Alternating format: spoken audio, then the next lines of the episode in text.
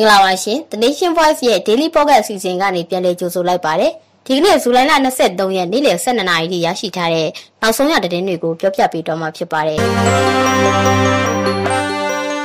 ပထမဆုံးပြောပြပေးမှာကတော့ဒီမနက်အင်းစိန်ကျင်းထောင်မှာဆန္ဒပြမှုဖြစ်ပေါ်ခဲ့တဲ့အကြောင်းမှာဒေါအောင်ဆန်းစုကြည်နဲ့တမရာကြီးချက်ချင်းလို့တို့ပြည်သူတွေညီရဲ့လားဟိညီတဲ့ဟိအရေးတော်ဝန်အောင်ရမည်စတဲ့ကြွေးကြော်တဲ့နေပြင်တွေးရစာတဲ့ချင်းကိုလည်းတံမြိုင်လိဆိုခဲ့ကြတယ်လို့သိရပါတယ်။ ထောင်တွင်းစစ်ကားနှစ်စီးဝင်သွားပြီးတဲ့နောက်ဆန္ဒပြမှုကိုထိန်းချုပ်နိုင်ပြီလို့အကျဉ်းထောင်တာဝန်ရှိသူတွေကပြောဆိုခဲ့ပြီးဖမ်းဆီးမှုနဲ့ထိခိုက်ဒဏ်ရာရရှိမှုစတဲ့နောက်ဆက်တွဲအခြေအနေတွေကိုမသိရသေးပါဘူး။တောင်တွင်းကြီးမြို့မှာအပြင်မထွက်ရတတ်မှတ်ချိန်မှာကျမကြီးကိစ္စကြောင့်ပြင်ထွက်သူတွေကိုစစ်ကောင်စီကရိုက်နှက်တာတွေလုပ်နေပါတယ်။မနက်9နာရီကျော်သွားတာကြောင့်လမ်းပေါ်ကလူတွေကိုဝရင်တုံးနဲ့ရိုက်နှက်တာမျိုးတွေလုပ်နေတာလို့သိရပါတယ်။တောင်တွင်းကြီးမှာစတေးရုံအဖြစ်မနက်9နာရီကနေညနေ9နာရီနဲ့ ည8နာရီကနေမနက်4နာရီအတွင်းအပြင်မထွက်ကြဖို့စစ်ကောင်စီကအမိန့်ထုတ်ထားတာပါမြန်မာနိုင်ငံမှာမနေ့ကတရက်တည်းကိုဗစ်ကူးစက်သူလူနာအတိ6000ကျော်ရှိတယ်လို့စစ်ကောင်စီကထုတ်ပြန်ထားပြီးအစိုးရရုံးတွေအများဆုံးရှိတဲ့ဇေယျတီဗီမြို့နယ်ကကူးစက်ခံရသူ260နဲ့အများဆုံးဖြစ်ပါတယ်။တေဆုံးသူက319ဦးရှိခဲ့ပြီးဒါဟာစံချိန်တင်တေဆုံးလုံးဖြစ်ပါတယ်။မနေ့ညနေအထိယောဂကူးစက်ခံရသူကတော့စုစုပေါင်း2သိန်းခွဲကျော်နဲ့တေဆုံးသူစုစုပေါင်း 6000ကျော်ရှိနေပြီဖြစ်ပါတယ်ရှင်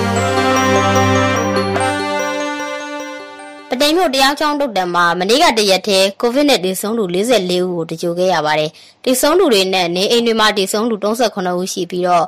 နေရာအခက်အခဲနဲ့ဆေးဝါးအခက်အခဲအောက်ဆီဂျင်အခက်အခဲကြောင့်ဆေးရုံကိုမသွားကြရတာပါ။ကိုဗစ်တတိယလိုင်းကာလအေယာဝတီတိုင်းတွင်ပတိမ်မြို့ကဖြစ်ပွားနှုန်းနဲ့တည်ဆုံးတော့အများဆုံးဖြစ်ပြီးဇူလိုင်လ22ရက်နေ့အထိတည်ဆုံးသူ933ဦးရှိနေပါပြီ။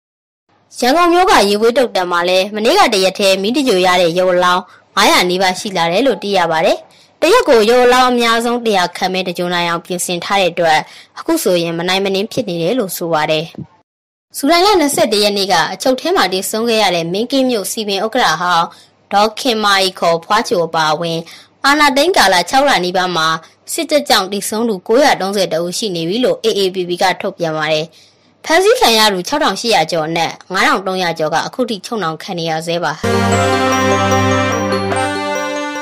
တရုတ်ကလူရန်နဲ့ကိုဗစ်ကာကွယ်ဆေး2တန်းရဲ့ပထမတုံအနေနဲ့အလုံးရေ9တန်းဟာမနေ့ကမြန်မာနိုင်ငံကိုရောက်ရှိလာပါတယ်စစ်ကောင်စီကတရုတ်ကာကွယ်ဆေးအလုံးရေ၄တန်းကျော်ကိုလည်းဝယ်ယူထားခဲ့ပြီးအဲ့ဒီထဲကတတန်းဟာဒီလထဲမှာရောက်မှာဖြစ်ပြီးတော့ကျန်တဲ့ဆေးတွေကတော့နောက်လထဲမှာရောက်ရှိမယ်လို့သိရပါတယ်ဒီဆေးတွေကိုဦးစားပေးလိုက်ထိုးနှံပေးမယ်လို့လည်းကြေညာထားပါ